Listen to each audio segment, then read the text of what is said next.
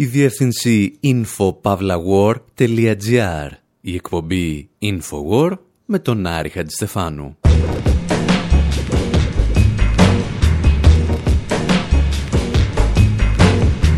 όπου σήμερα αναρωτιόμαστε εάν είναι σωστό να χρησιμοποιείς πυρηνικά όπλα για να σκοτώνεις κομμουνιστές.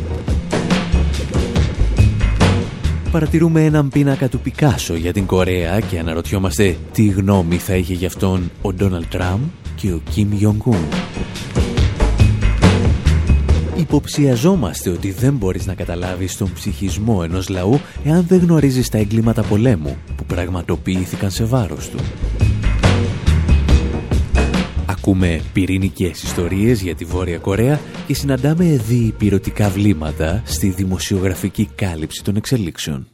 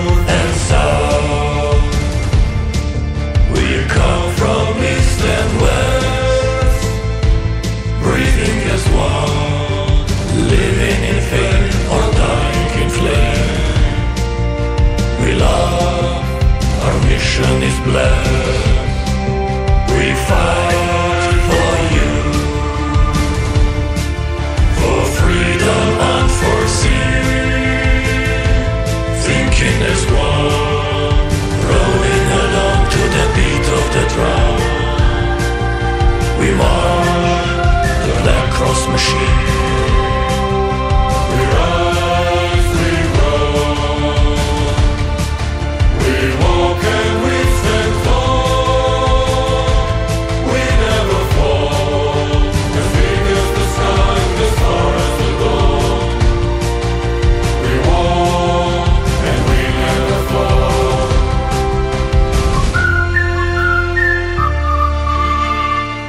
Παιδιά που ακούτε είναι οι περίφημοι Λάιμπαχ, ένα συγκρότημα που δημιουργήθηκε στην πρώην Ιουγκοσλαβία το 1980. Το όνομά τους είναι η γερμανική λέξη για τη Λιουμπλιάνα, λέξη την οποία ο Τίτο είχε απαγορεύσει. Και οι Λάιμπαχ, αν δεν τους γνωρίζετε, λατρεύουν να μισούν τα απολυταρχικά καθεστώτα ή μισούν που τα λατρεύουν.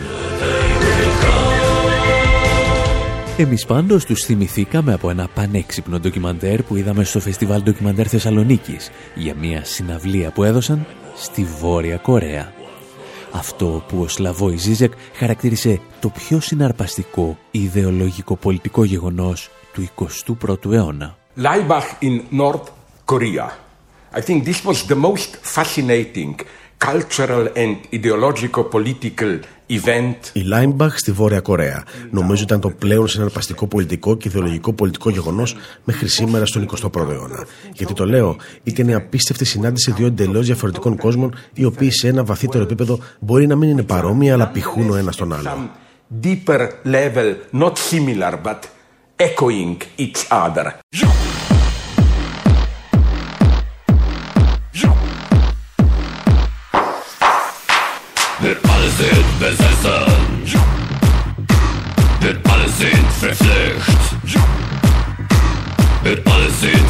Wir alle sind gekreuzigt.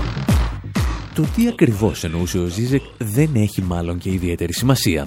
Ας μην ξεχνάμε ότι πρόκειται για έναν άνθρωπο ο οποίος τα τελευταία χρόνια δυσκολεύεται να ξεχωρίσει την αντικαπιταλιστική αριστερά από την νεοφιλελεύθερη σοσιαλδημοκρατία. Αλλά αυτό είναι μια άλλη μεγάλη ιστορία. Το βέβαιο είναι ότι εκτός από τον Ζίζεκ θεώρησαν συναρπαστική αυτή τη συναυλία και τα διεθνή μέσα ενημέρωσης. Μέχρι που την ανακάλυψε και ο Τζον Όλιβερ στην εκπομπή Last Week Tonight. Now,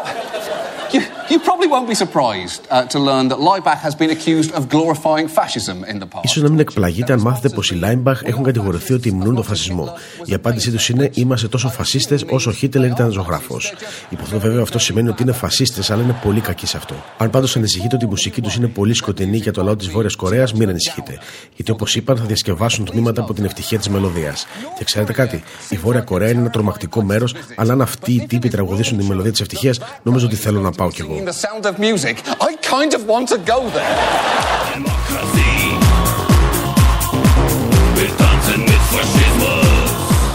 Η εκπομπή του Όλιβερ, όσο απολαυστικά έξυπνη και αν είναι, ακολουθεί το γνωστό μοτίβο με το οποίο η Δύση αντιμετωπίζει τη Βόρεια Κορέα. Μια διαρκή ισορροπία ανάμεσα στον τρόμο και την γελιοποίηση. Και αν οι ηγέτες της Βόρειας Κορέας φροντίζουν να προσφέρουν τρόμο και κομμωδία σε υπερβολικές δόσεις, πιστεύουμε ότι αυτός δεν είναι και ο καλύτερος τρόπος για να κατανοήσουμε τι πραγματικά συμβαίνει σε εκείνη τη γωνιά του πλανήτη. Θα το επιχειρήσουμε λοιπόν με το δικό μας τρόπο, ύστερα από ένα ελάχιστο μουσικό διάλειμμα.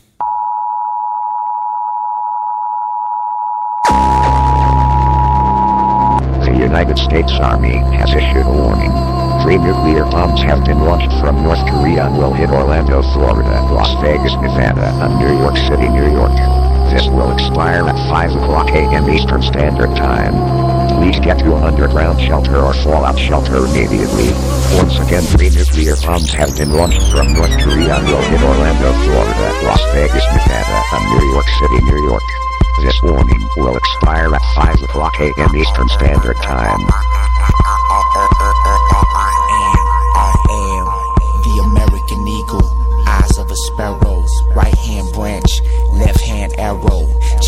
Dollar in an impala, white trash heart throb, mellow yellow, drinking hard liquor bras, get on my level.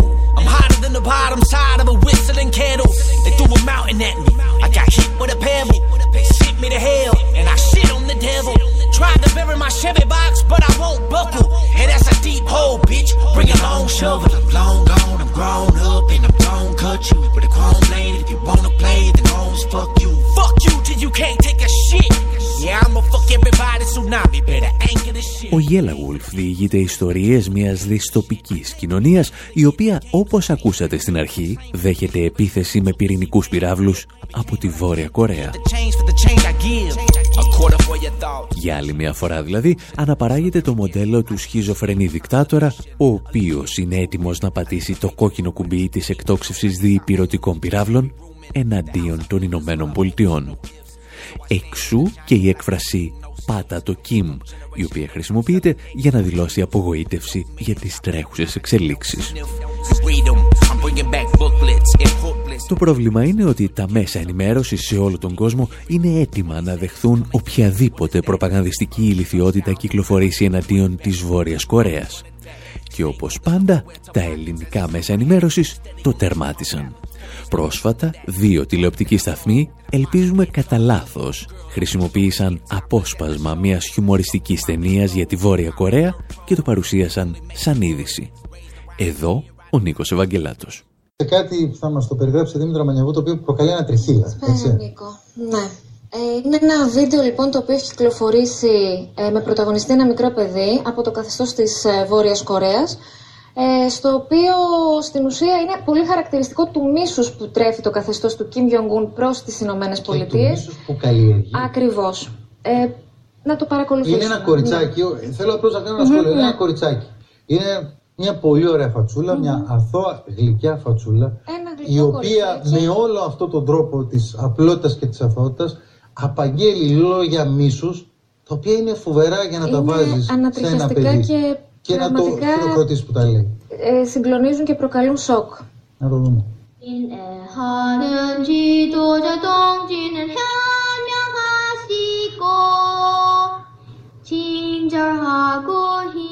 Εάν τα κορεατικά σας σας προδίδουν, επιτρέψτε μας να σας μεταφράσουμε το τραγούδι. Ο αγαπημένος μας ηγέτης είναι σοφός, λέει το κοριτσάκι. Είναι ευγενικός, καλός και δυνατός. Μακάρι οι Ηνωμένες Πολιτείες να εκραγούν σε μια μπάλα πύρινης κόλασης. Μακάρι να αναγκαστούν να πεινάνε, να παρακαλάνε και να αφανιστούν από αρρώστιες. Μακάρι να είναι αβοήθητοι, φτωχοί και να κρυώνουν. Γιατί είναι αλαζόνες και χοντροί, είναι ηλίθιοι και κακοί. Μακάρι να πνιγούν στο ίδιο του το αίμα και στα περιτώματά τους. Να πεθάνεις Αμερική, να πεθάνεις. Σε παρακαλώ, γιατί δεν πεθαίνεις.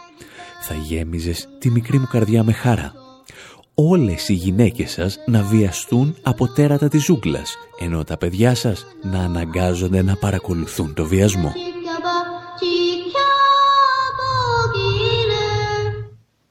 Τόσο μίσος πραγματικά. Τα μέσα ενημέρωσης λοιπόν θα πούν τα πάντα για την Βόρεια Κορέα, παρουσιάζοντας το σύνολο των πολιτών σαν θύματα πλήσης εγκεφάλου που μισούν τους πάντες και λατρεύουν μόνο τον ηγέτη τους. Η αλήθεια βέβαια είναι ότι οι πολίτες της Βόρειας Κορέας μισούν από τα βάθη της ψυχής τους στις Ηνωμένες Πολιτείες. Και όπως θέλουμε να αποδείξουμε στη συνέχεια, έχουν κάθε λόγο να το κάνουν. Μια ιστορία που ξεκινά στις αρχές της δεκαετίας του 50 με ένα τραγούδι.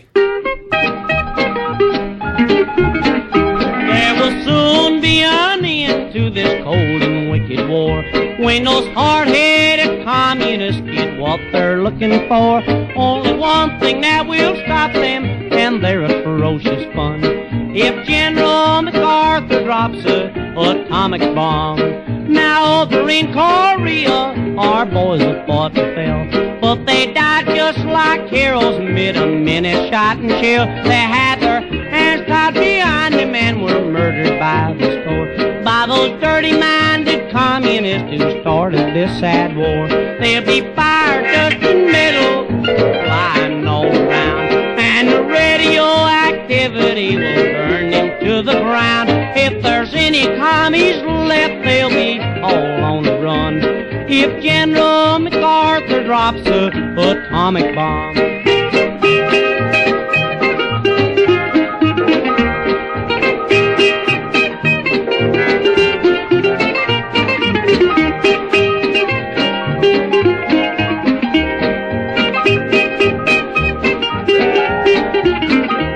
Old hard-headed Joe will be feeling mighty blue when he finds out bitten off more than he can chew. For suppression will be ended and the job will be well done. If General MacArthur drops a atomic bomb.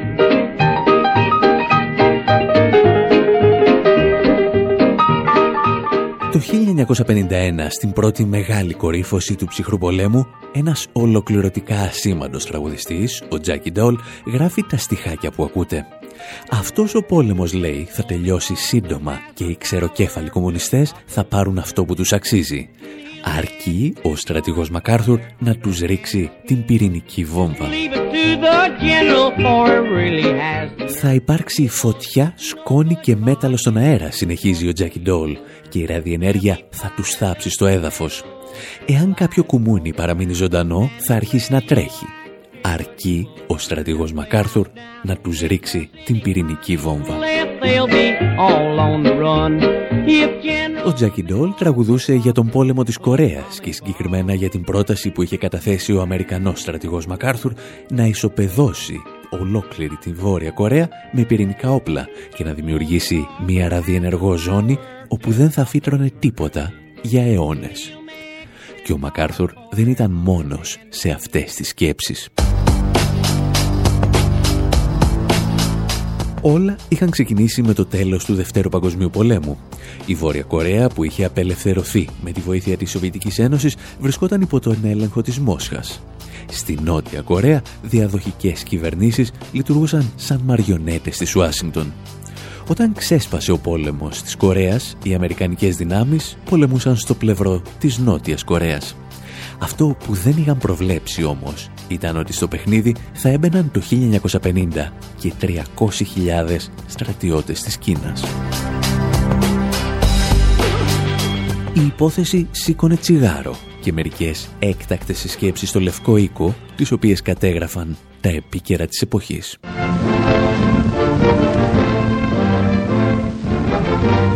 At the White House in Washington, top defense officials of the nation gather to discuss the gravest. Στο Λευκό Οίκο, στην Ουάσιγκτον, ανώτατοι στρατιωτικοί αξιωματούχοι συγκεντρώθηκαν για να συζητήσουν τη μεγαλύτερη διεθνή κρίση μετά το Pearl Harbor. Η υποκριτική εισβολή της κομμουνιστικής Κίνας στην Κορέα προκαλεί αναταραχή. Η είσοδος 300.000 κόκκινων Κινέζων δημιουργεί τις συνθήκες ενός τρίτου παγκοσμίου πολέμου. Ο πρόεδρος Τρούμαν καταδικάζει τον κόκκινο υπερεαλισμό.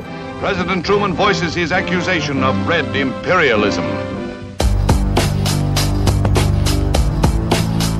Ο πρόεδρος Τρούμαν, εκτός από το να καταδικάζει τον υπεριαλισμό, λέγεται ότι είχε υπογράψει και την απόφαση για τη χρήση πυρηνικών όπλων, την οποία όμως ποτέ δεν παρέδωσε στους επιτελείς του Πενταγώνου.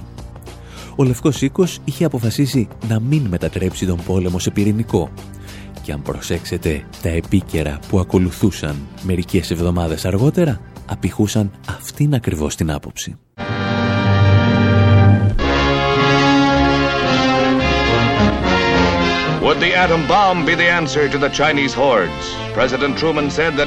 Θα είναι ατομική βόμβα η απάντηση στις ορδές των Κινέζων. Ο πρόεδρος Τρούμαν δήλωσε ότι εξετάζει το ενδεχόμενο. Μόνο τα δικά του λόγια μπορούν να απελευθερώσουν αυτή τη φρικιαστική δύναμη. The world shuddered at the thought. Ο πλανήτης τρομοκρατήθηκε με την ιδέα καθώς αυτό το καταστροφικό όπλο σπαίνει το φόβο στο μυαλό των ανθρώπων. Το πυρηνικό μανιτάρι έγινε το σύμβολο της σύγχρονης καταστροφής. Το έτος 1950 αυτή η δύναμη βρίσκεται στα χέρια του ανθρώπου για να σπείρει το θάνατο. Η σοδιά της δυστυχίας θα είναι ατελείωτη καθώς κανένας δεν θα γλιτώσει. σω έτσι δημιουργηθεί ένας κόσμος στον οποίο ο άνθρωπος θα προσπαθεί να γλιτώσει διαρκώς από την καταστροφή. Ένας κόσμος στον οποίο κανένας δεν θα ξαναβρει την ειρήνη και την ασφάλεια. Το πρόβλημα ήταν ότι ο στρατηγός Μακάρθουρ των Ηνωμένων Πολιτειών διαφωνούσε με την απόφαση του Λευκού Οίκου και επέμενε να χτυπήσει τη Βόρεια Κορέα με πυρηνικά. Αρκετοί ιστορικοί υποστηρίζουν σήμερα ότι εκείνες τις ημέρες η Αμερική βρέθηκε κοντά στην εκδήλωση ενός πραξικοπήματος, με το οποίο ο Μακάρθουρ θα έπαιρνε τον έλεγχο από τον πρόεδρο Τρόμαν. Η πολιτική ηγεσία στην Ουάσιγκτον όμως πρόλαβε και απάντησε δυναμικά διαστόματος του ίδιου του Προέδρου. Στις 11 Απριλίου του 1951 ο στρατηγός πάυθηκε από τα καθήκοντά του. It was with the deepest personal regret that I found myself με μεγάλη προσωπική απογοήτευση αναγκάστηκα να λάβω αυτή την απόφαση. Ο στρατηγός Μακάρθουρ είναι ένας από τους μεγαλύτερους στρατιωτικούς διοικητές μας. Αλλά ο στόχος της παγκόσμιας ειρήνης είναι πολύ σημαντικότερος από κάθε άτομο.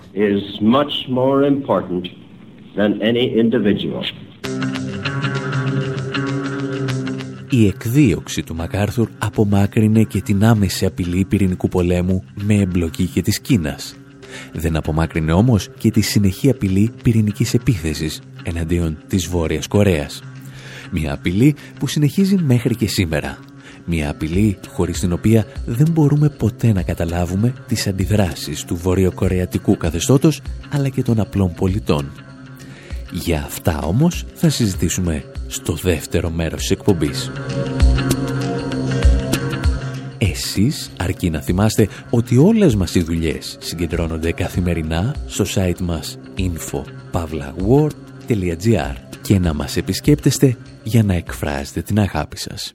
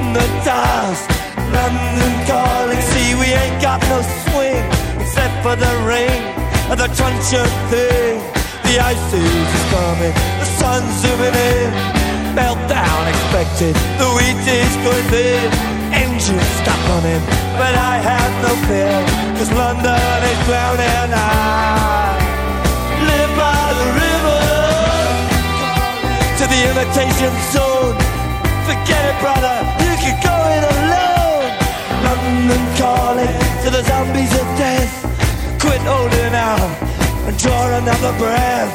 London calling, and I don't wanna shout. But while we were talking, I saw you nodding out. London calling, see we ain't got no hide, except for that one with the yellowy eyes. The ice is coming, the sun's zooming in, engines stop running, the wheat is going thick, a nuclear error. But I have no fear, cause London is drowning. I,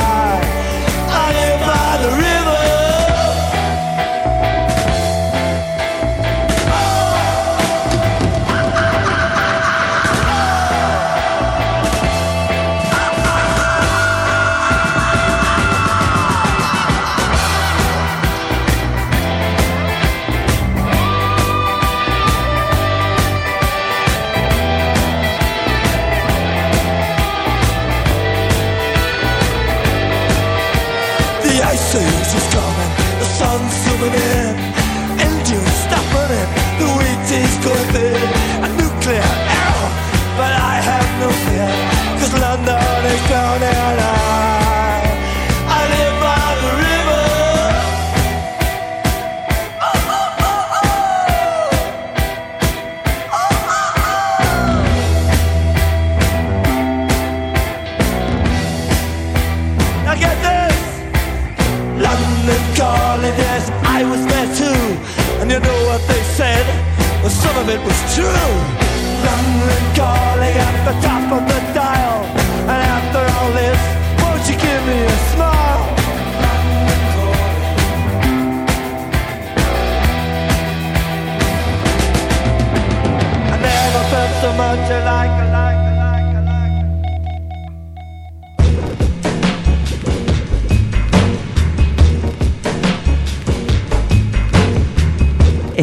Εκπομπή Infowar, μέρος δεύτερο. Όπου παίρνουμε μαθήματα προπαγάνδας από τη δημοσιογραφική κάλυψη των εξελίξεων στη Βόρεια Κορέα. Είδαμε τη δαιμονοποίηση ενός ολόκληρου λαού, ο οποίος απειλούνταν με ολοκληρωτική εξαφάνιση από τα πυρηνικά όπλα των Ηνωμένων Πολιτειών. Και μπορεί η Ουάσιγκτον να μην έδωσε εκεί πίσω στη δεκαετία του 50 το πράσινο φως για μία ακόμη πυρηνική επίθεση σε κατοικημένες περιοχές, φρόντισε όμως να εξαφανίσει αυτές τις περιοχές από το χάρτη με συμβατικά όπλα. Για αυτά όμως θα μιλήσουμε εντός ολίγου, αφού πρώτα κάνουμε μία στάση στο Woodstock. Mr. Richie Haven.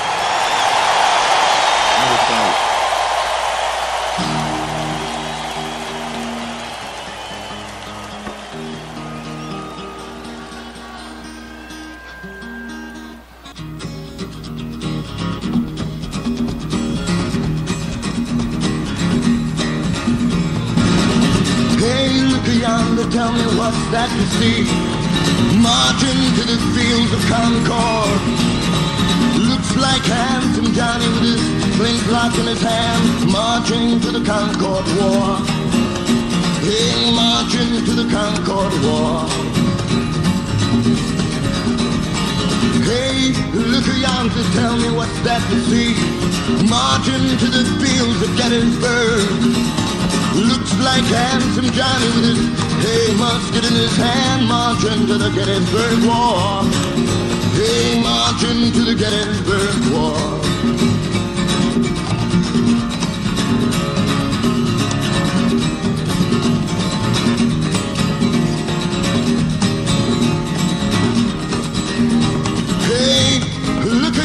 Tell me what's that you see? Marching to the fields of Dunkirk. Looks like handsome Johnny with a carbine in his hand, marching to the Dunkirk War. Hey, marching to the Dunkirk War.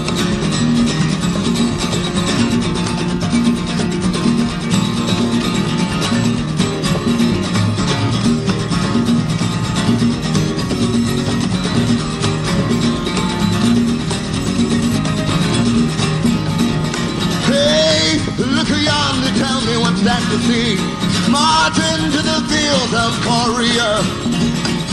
Looks like handsome Johnny with a M1 in his hand, marching to the Korean War. Hey, marching to the Korean War. Still marching, still marching, still marching. Ο Ρίτσι Heaven σε ζωντανή ηχογράφηση από το Woodstock τραγουδάει για τον όμορφο Γιάννη, τον Handsome Johnny. Τραγουδάει για τον Αμερικανό στρατιώτη, ο οποίος στο πέρασμα των αιώνων βρίσκεται πάντα με ένα όπλο στο χέρι να σκοτώνει και να σκοτώνεται σε κάποια μακρινή γωνιά του πλανήτη. Yeah, free. Κάπου εκεί, στη μέση του τραγουδιού, ο όμορφος Γιάννης έχει φτάσει στην Κορέα με ένα στρατιωτικό μία ένα στο χέρι. Μόνο που στη συγκεκριμένη μάχη ο Γιάννης της ιστορίας μας θα πραγματοποιήσει ορισμένα από τα φρικτότερα εγκλήματα στη σύγχρονη ιστορία του πολέμου. Ο Νοαμ Τσόμσκι μιλούσε πριν από χρόνια για τα αμερικανικά εγκλήματα πολέμου στην Κορέα, τα οποία συνέκρινε με τις ναζιστικές θηριωδίες του Δευτέρου Παγκοσμίου Πολέμου. Uh, here we have to recall a characteristic difference between the culture of conquerors and victims. Uh, quite typically, the powerful send history to the mem- memory hole. Or the Πρέπει πάντα να θυμόμαστε μια διαφορά ανάμεσα στην κουλτούρα του κατακτητή και του θύματος. Συνήθως οι ισχυροί θέλουν να ξεχάσουμε την ιστορία ή μας παρουσιάζουν μια αποστηρωμένη εκδοχή της. Οι ιτημένοι δεν έχουν αυτό το πλεονέκτημα και θυμούνται πάντα την ιστορία τους. Οι Βορειοκορεάτες θυμούνται πολύ καλά τι εννοούσε η πολεμική αεροπορία των ΗΠΑ όταν έλεγε ότι έδωσε ένα μάθημα που κανένας κομμουνιστής δεν θα ξεχάσει. Αυτό το μάθημα, όπως το αποκαλούσαν, δόθηκε ένα μήνα πριν από την κατάπαυση του πυρός στον πόλεμο της Κορέας. Καθώς δεν υπήρχε πλέον κανένα στόχος για τα βομβαρδιστικά, αφού η χώρα είχε ισοπεδωθεί ολοκληρωτικά, οι Αμερικανοί πιλότοι άρχισαν να βομβαρδίζουν το δίκτυο άρδευσης. Τα φράγματα που βομβαρδίστηκαν χρησιμοποιούνταν για να παράγεται το 75% του ρυζιού της Βόρειας Κορέας. Με την πράξη τους αυτή, οι Δυτικοί καταδίκαζαν τους Ασιάτες σε αργό θάνατο από πείνα. Μόνο έτσι μπορείς να κατανοήσεις την οργή και την υπόσχεση για εκδίκηση απέναντι σε εγκλήματα πολέμου που αν είχαν δικαστεί στην Ινεμβέργη θα οδηγούσαν στην εκτέλεση των υπευθυνών. to this reenactment of the kind of crimes that led to death sentences at Nuremberg.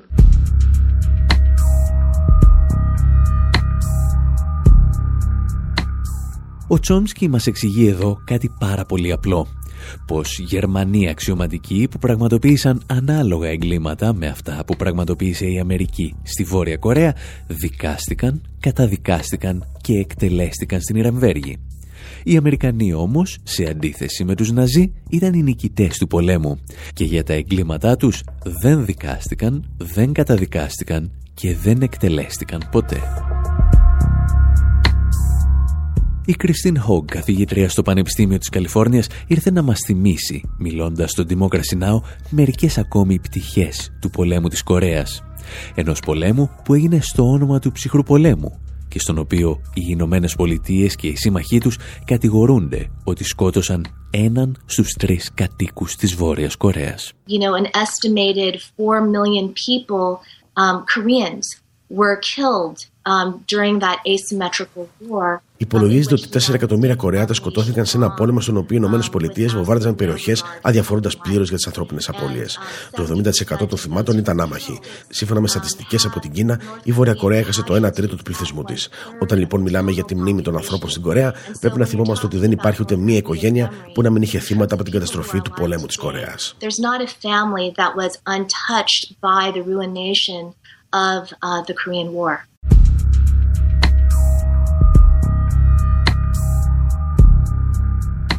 Φρίκη των Αμερικανικών εγκλημάτων στην Κορέα δεν πέρασε απαρατήρητη και από τον Παμπλο Πικάσο, ο οποίος ζωγράφισε για τους βορειοκορεάτες κομμουνιστές ένα έργο με τίτλο «Σφαγή στην Κορέα». Ο Πικάσο αντιγράφει το θέμα ενός πίνακα του Φρανσίσκο Γκόγε για την αντίσταση στις δυνάμεις του Ναπολέοντα. Αυτή τη φορά όμως περιγράφει τη σφαγή του Σιντσόν τον Οκτώβριο του 1950. Νοτιοκορεατικές δυνάμεις με την υποστήριξη των ΗΠΑ προχωρούν τότε σε ομαδικές σφαγές που σύμφωνα με πληροφορίες φτάνουν τους 35.000 ανθρώπους. Η Βόρεια Κορέα δεν μπορεί λοιπόν να ξεχάσει τα τρομακτικά εγκλήματα για τα οποία κανένας δεν θέλησε ποτέ να απολογηθεί.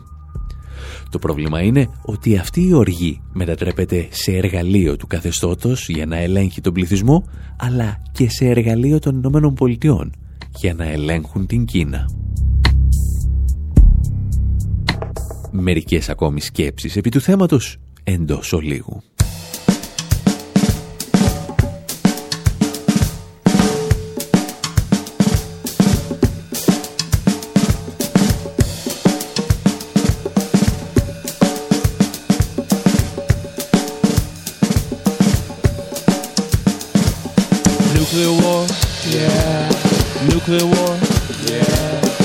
Talking about, yeah. Nuclear war, yeah. Nuclear war, yeah. Nuclear war, yeah. Talking about, yeah. Nuclear war, yeah. It's a motherfucker, it's a motherfucker. Don't you know, don't you know? Talking about, yeah. Nuclear war, yeah. Talking about, yeah. Nuclear war, yeah. It's a motherfucker, don't you know? Baby, push that button, your ass got to go. It's a motherfucker, don't you know? Baby, push that button, your ass got to go. It's a motherfucker, don't you know? Baby, push that button, your ass got to go. They're talking about, yeah, nuclear war, yeah. They're talking about, yeah, nuclear war, yeah. If they push that button, if they push that button, your ass got to go. Your ass got to go. They're talking about, yeah nuclear war. Yeah. They're talking about yeah. nuclear war. Yeah. If they push that button, if they push that button, your ass got to go. Ass got to go. If they push that button, if they push that button, your ass got to go. Ass got to go. Στην εκπομπή Infowar με τον Άρη Χατζηστεφάνου συζητάμε για το δίκαιο μίσος των Βόρειο Κορεατών απέναντι στις Ηνωμένε Πολιτείες. Κάπου εδώ όμως θα πρέπει να αναρωτηθούμε γιατί η Βόρεια Κορέα αποφάσισε να αποκτήσει πυρηνικό οπλοστάσιο. Ο Bruce Cummings, καθηγητής ιστορίας στο Πανεπιστήμιο του Σικάγο, εξηγούσε μιλώντας και αυτό στο Democracy Now! ότι θα πρέπει να πιάσουμε και πάλι την ιστορία από τη δεκαετία του 50. Uh, American nuclear intimidation of North Korea uh, goes back to the Korean War. Ο πυρηνικός εκφοβισμός της Βόρειας Κορέας από τις ΗΠΑ ξεκινά από τον πόλεμο της Κορέας. Μετά τον πόλεμο, τοποθετήσαμε εκατοντάδες πυρηνικά όπλα στη Νότια Κορέα. Έτσι βρέθηκαν τα πρώτα πυρηνικά στην Κορεατική Χερσόνησο. Από τα μέσα της δεκαετίας του 50, λοιπόν, η Βόρεια Κορέα έπρεπε να βρει τρόπους να αποτρέψει τις ΗΠΑ από το να χρησιμοποιήσουν αυτά τα όπλα. Για δεκαετίες έχτιζαν υπόγειες εγκαταστάσεις. Έχουν τουλάχιστον 15.000 υπόγειες εγκαταστάσεις για λόγους εθνικής ασφάλειας. Ήταν όμως αναπόφευκτο ότι θα αντιδρούσαν αν απειλούνταν με πυρηνικά όπλα. Μην ξεχνάτε ότι και ο πρόεδρος Ομπάμα απείλησε πολλές φορές στη Βόρεια Κορέα, στέλνοντας βορειοδυτικά Β2 στη Νότια Κορέα, τα οποία πραγματοποιούσαν εικονικές ρήψεις πυρηνικών όπλων. Ήταν αναπόφευκτο ότι η Βόρεια Κορέα θα αναζητούσε μέσα αποτροπής της επίθεσης.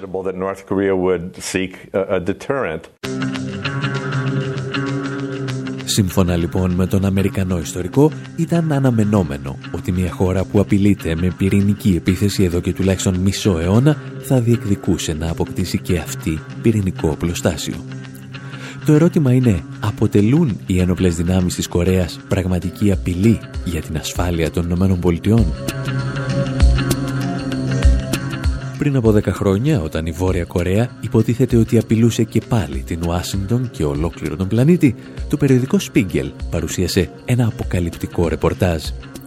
Τα όπλα του βορειοκορεατικού στρατού, έλεγαν τότε οι Γερμανοί δημοσιογράφοι, θυμίζουν περισσότερο αντίκες. Τα καύσιμα, έγραφαν, είναι τόσο σπάνια, ώστε οι πιλότοι της πολεμικής αεροπορίας μπορούν να πετάξουν μόνο δύο ώρες το μήνα για εκπαίδευση. Όσο για τη σύντηση του στρατεύματος, σύμφωνα με το Σπίγκελ, ολόκληρες μονάδες τρέφονταν ως επιτοπλίστων με λάχανα και άλλα ζαρζαβατικά.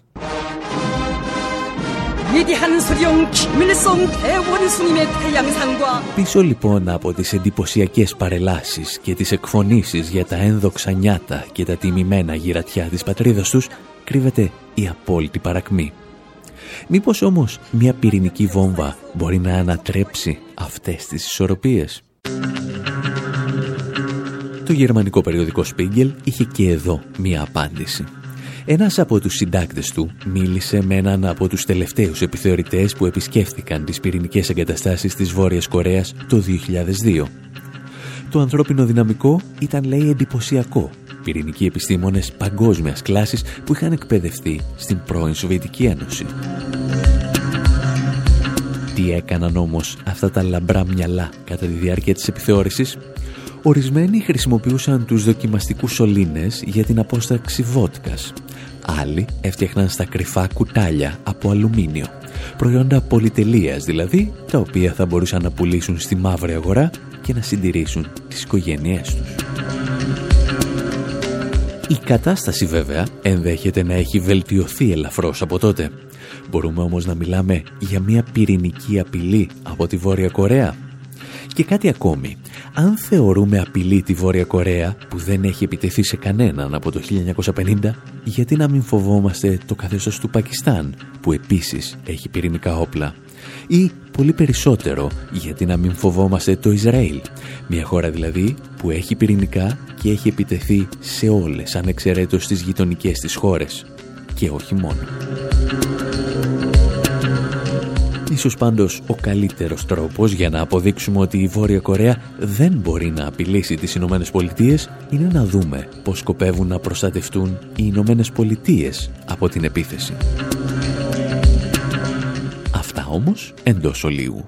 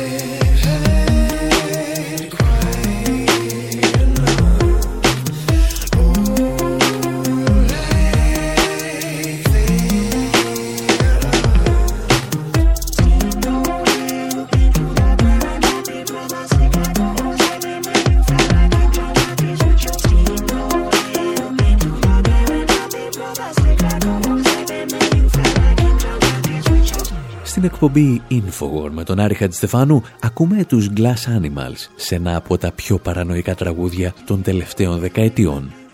Υπόσχονται λέει να κόψουν την κοκαίνη παρά το γεγονός όπως λένε ότι σε κάνει να πετάς σαν πύραυλος του Kim Jong. Αν και δεν προσδιορίζουν αν αναφέρονται στον Kim Jong-un ή τον μακαρίτη πατέρα του Kim Jong-il. Το βέβαιο είναι ότι οι Ηνωμένε Πολιτείε δηλώνουν ότι ενοχλούνται από τους πυράβλους του καθεστώτος.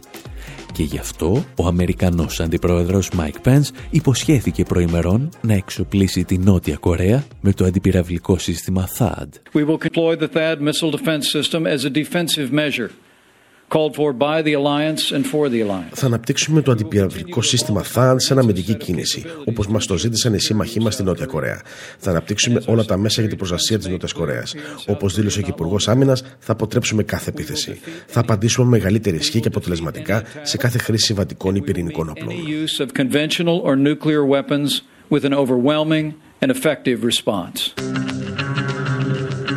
Ο Αμερικανός αντιπρόεδρος, αν καταλάβατε, απείλησε ακόμη και με πυρηνικό πόλεμο. Όπως εξηγούσε όμως ο ιστορικός Bruce Cummings, η απόφασή του να αναπτύξει το αντιπυραυλικό σύστημα THAAD δεν προστατεύει τις Ηνωμένες Πολιτείες. Εξυπηρετεί όμως συγκεκριμένους πολιτικούς στόχους της Ουάσιγκτον. The THAAD uh, installation is completely political. The THAAD uh, anti-missile system does nothing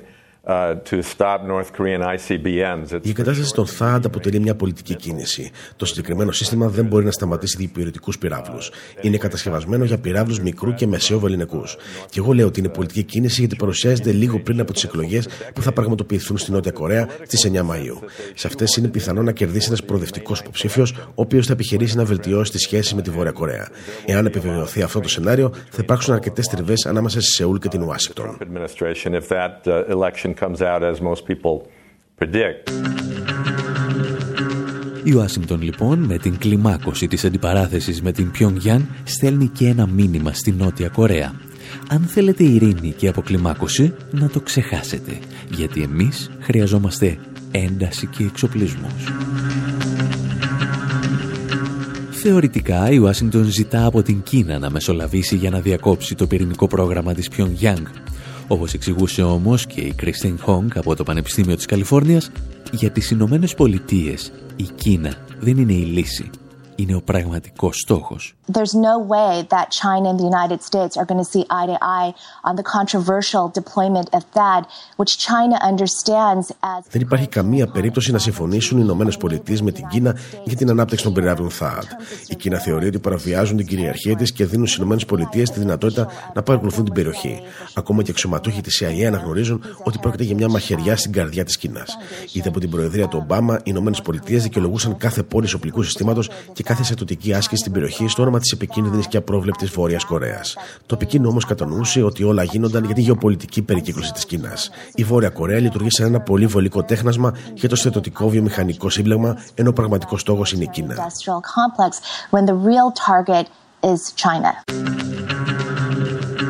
Ουσιαστικά λοιπόν οι απειλές της Ουάσιγκτον εναντίον της Βόρειας Κορέας έχουν ως πραγματικό αποδέκτη την Κίνα και αυτή η πολιτική δεν ξεκίνησε με τον Ντόναλτ Τραμπ, αλλά με σειρά προηγούμενων προέδρων και κυρίως με τον Μπαράκ Ομπάμα. Τον άνθρωπο που επί προεδρίας του είδαμε το 60% του πολεμικού ναυτικού της υπερδύναμης να μεταφέρεται στον Ειρηνικό ωκεανό, στοχεύοντας πλέον στην οικονομική υπερδύναμη της Κίνας. Εμείς πάντως κάπου εδώ λέμε να σας αφήσουμε να λύσετε μόνοι σας τα προβλήματα του πυρηνικού αφοπλισμού.